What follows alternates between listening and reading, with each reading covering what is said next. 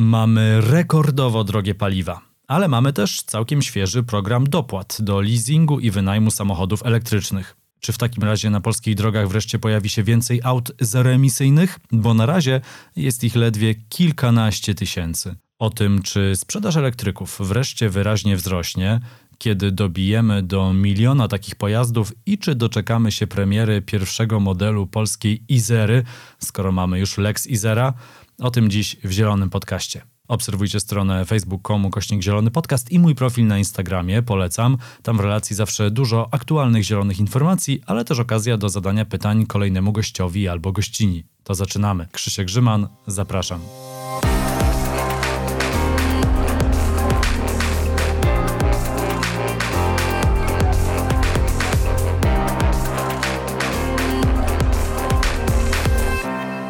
Gościem Zielonego Podcastu jest Jacek Mizak, ekspert z Fundacji Promocji Pojazdów Elektrycznych. Dzień dobry.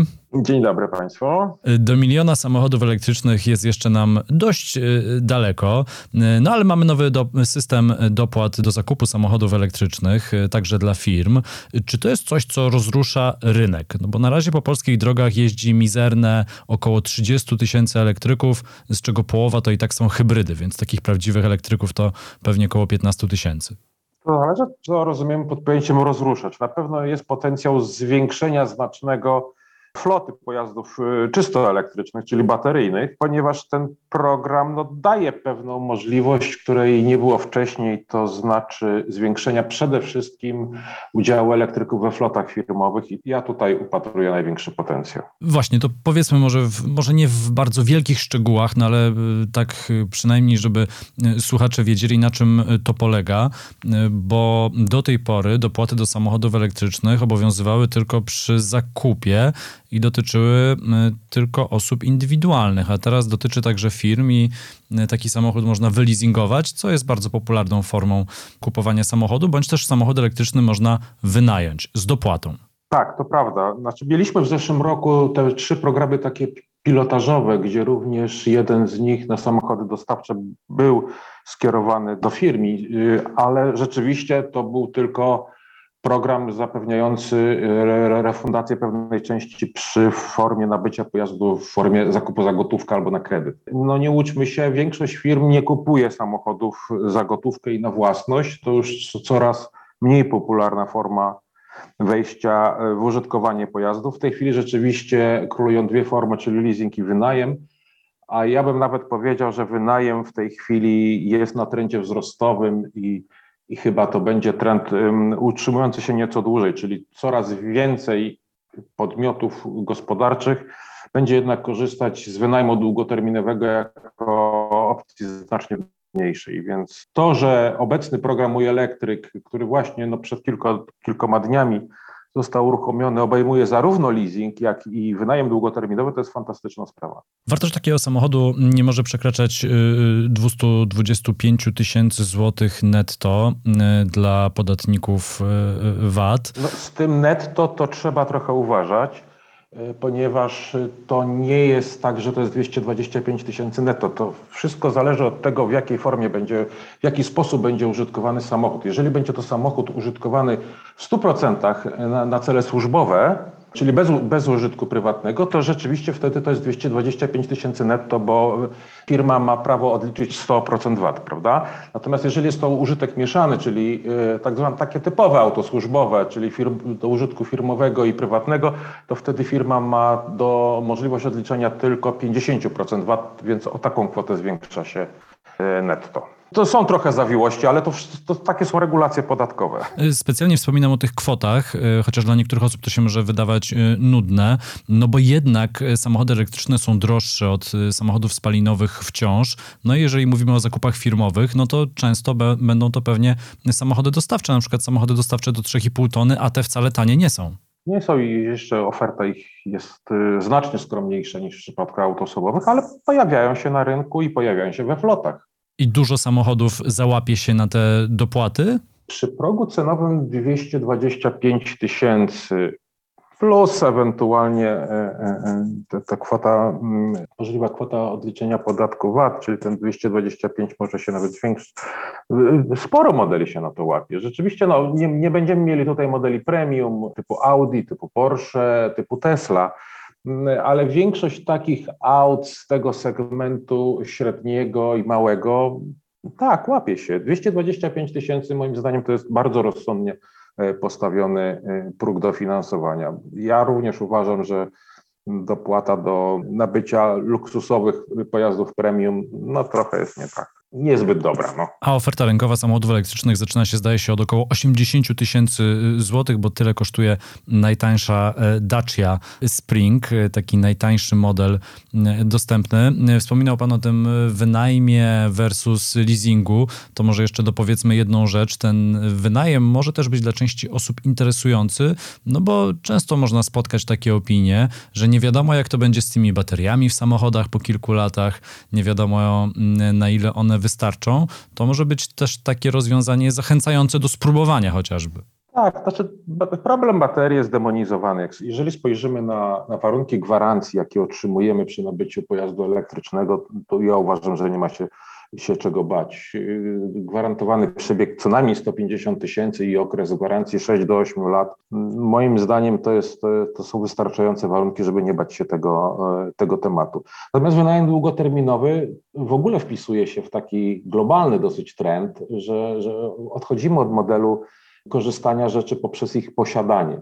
To jest inna forma możliwości użytkowania z rzeczy wtedy, kiedy nam są potrzebne. I wynajem jest taką, wraz z leasingiem, też taką formą, gdyż y, coraz y, częściej pojawiają się oferty skierowane nie tylko dla firm, ale też dla osób prywatnych. Wspomnieliśmy już, y, ile maksymalnie może kosztować samochód. To jeszcze kilka słów o kwocie dopłaty.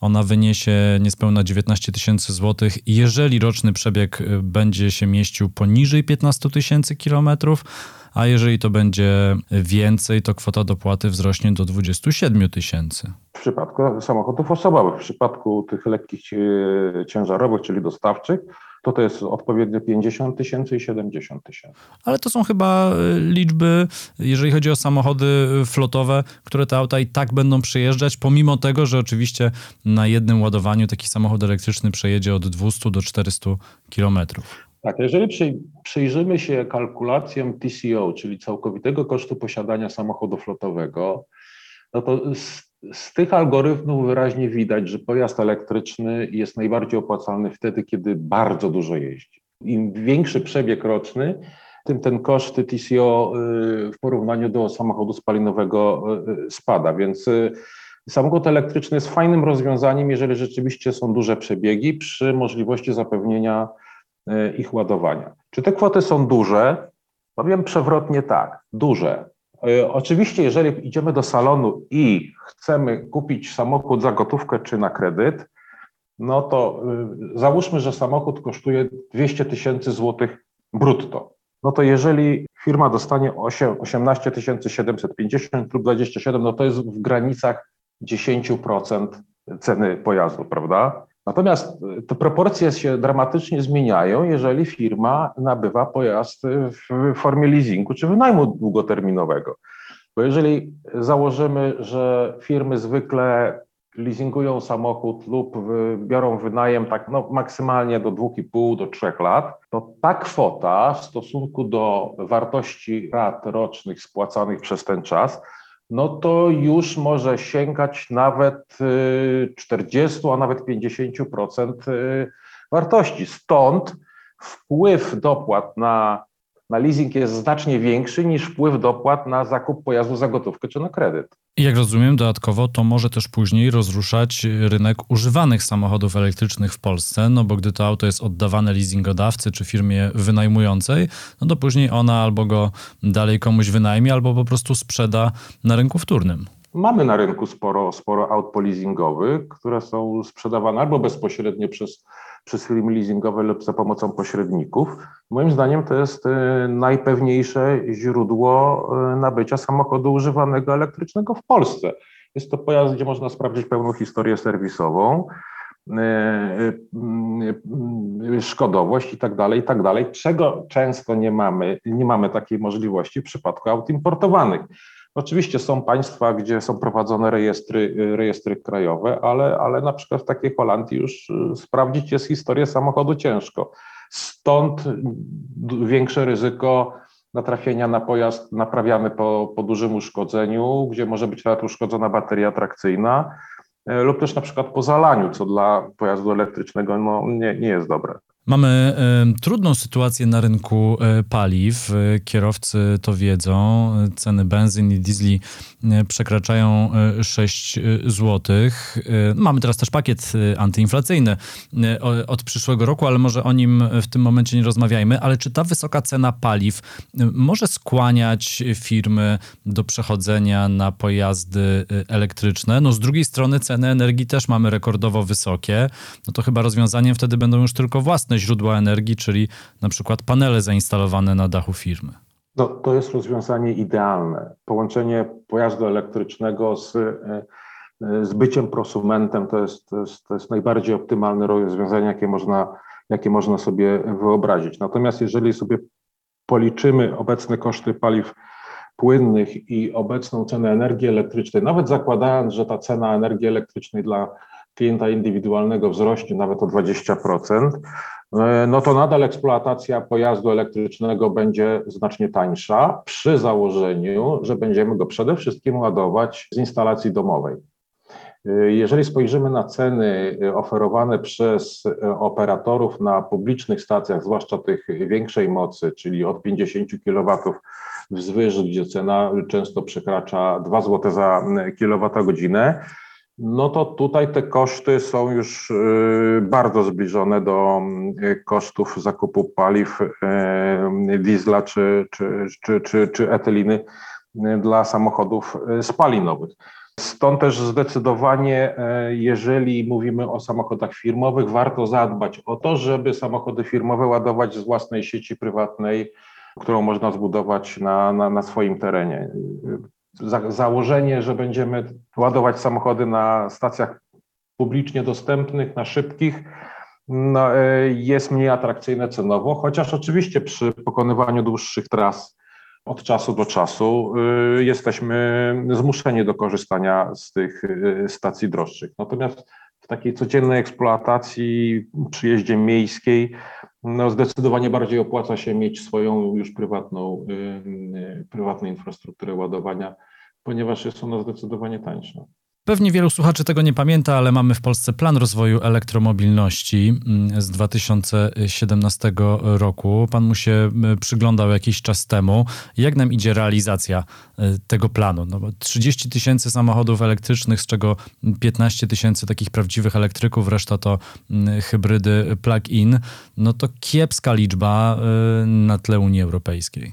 To pamiętajmy, że, że to są plany, które musieliśmy opracować z uwagi na konieczność transpozycji dyrektywy o w sprawie infrastruktury e, paliw alternatywnych.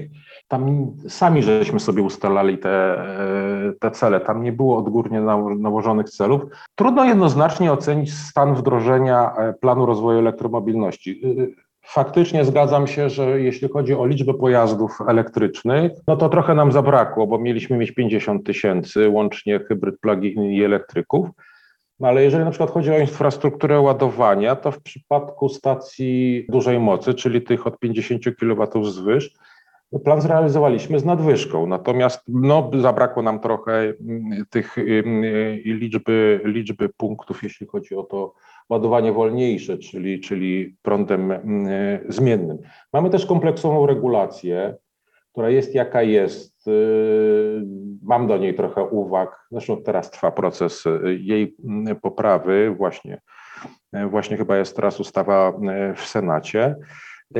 Więc tym otoczeniem nie jest najgorzej. Ja tu nie widzę wielkich problemów we wdrażaniu elektromobilności jako takiej, tylko moim zdaniem kompletnie nie, niezagospodarowany został mm, pozostały obszar. No, elektromobilność musi funkcjonować w pewnym większym e, ekosystemie, co fajnie widać, jeżeli przyjrzymy się, przyjrzymy się rozwiązaniom, które są e, w innych państwach. W Polsce, jak dotychczas, posiadanie samochodu spalinowego, czy przez firmę, czy przez osobę fizyczną, de facto nie różni się niczym podatkowo od posiadania samochodu e, elektrycznego. W innych państwach jest to zupełnie inaczej. Tam są bardzo wysokie opłaty, czy to podatki drogowe, czy tak zwany car ownership, czyli czy podatek od posiadania pojazdu. Bardzo często są również tak zwane podatki ekologiczne, gdzie wysokość tej opłaty rocznej wcale nie jest taka niska i jej wysokość zależy na przykład od normy emisji euro, jaką spełnia pojazd.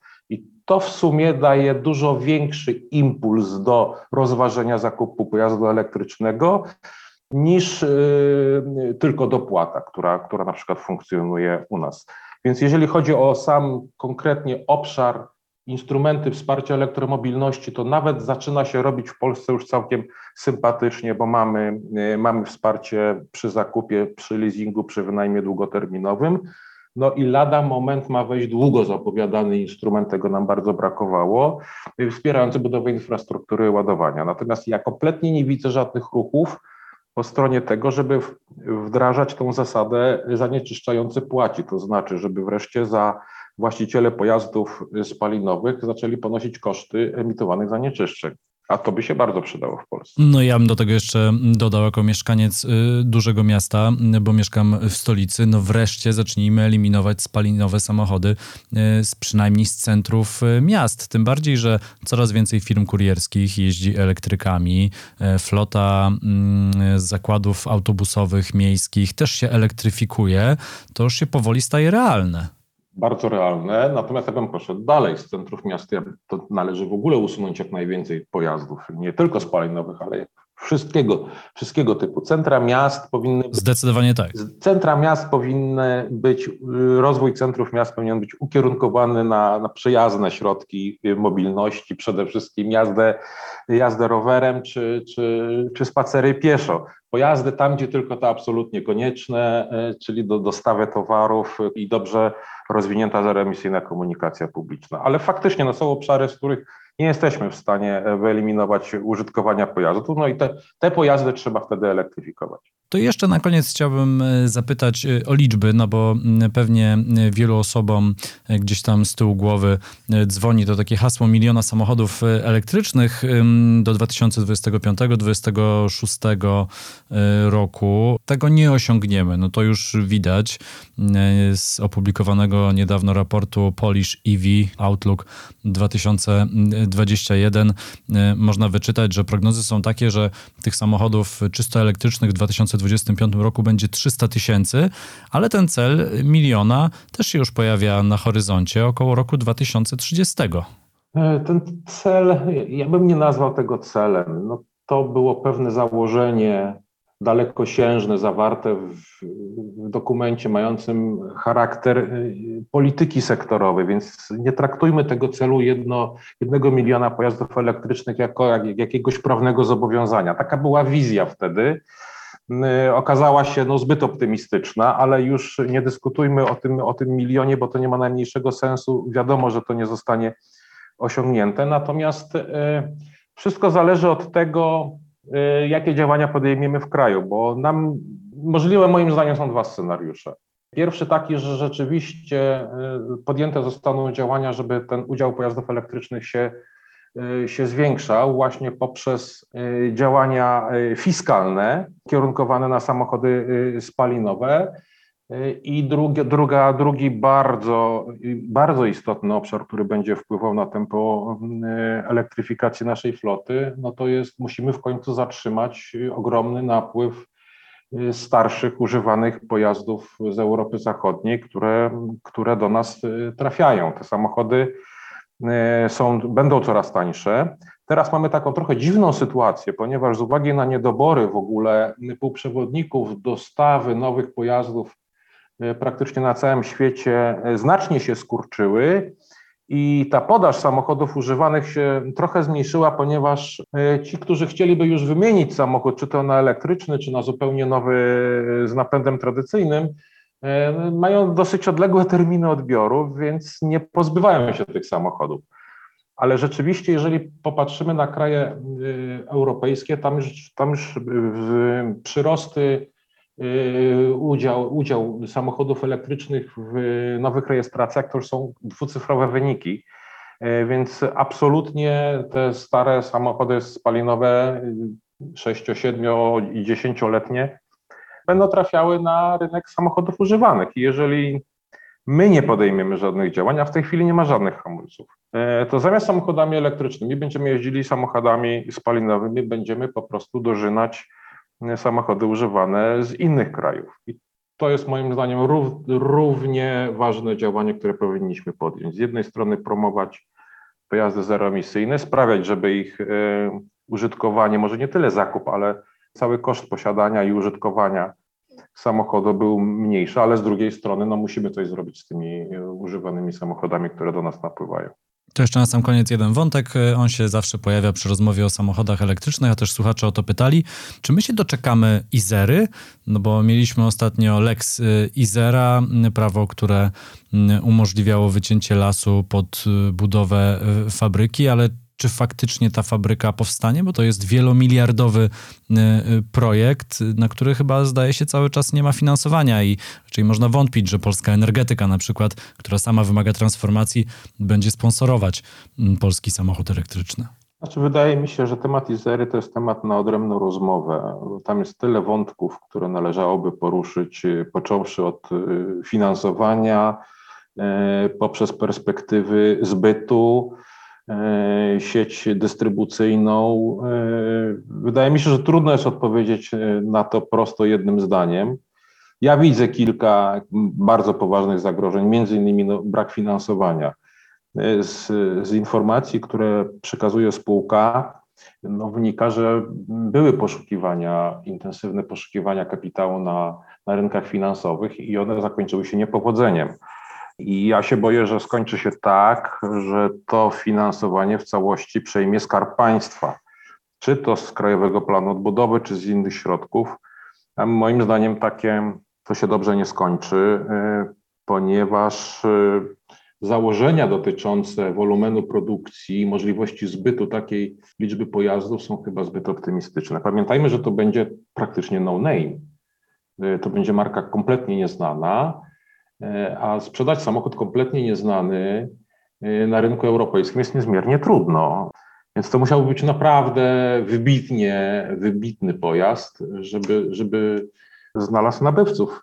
Pamiętajmy, że produkcja jest planowana na 2024 bodajże, tak? Bo to odroczono chyba od rok. W 2024 liczba modeli elektrycznych oferowanych na rynku europejskim będzie, podejrzewam, trzykrotnie, czterokrotnie większa niż obecnie.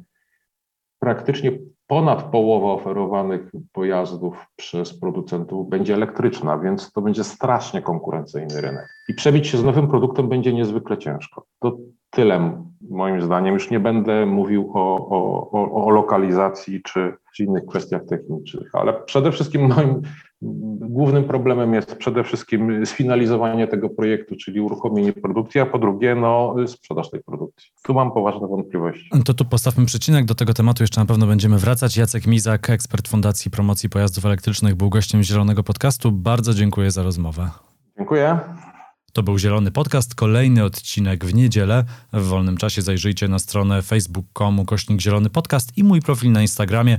Tam w relacji zawsze dużo aktualnych zielonych informacji, ale też okazja do zadania pytań kolejnemu gościowi albo gościni. Krzysiek Grzyman, do usłyszenia.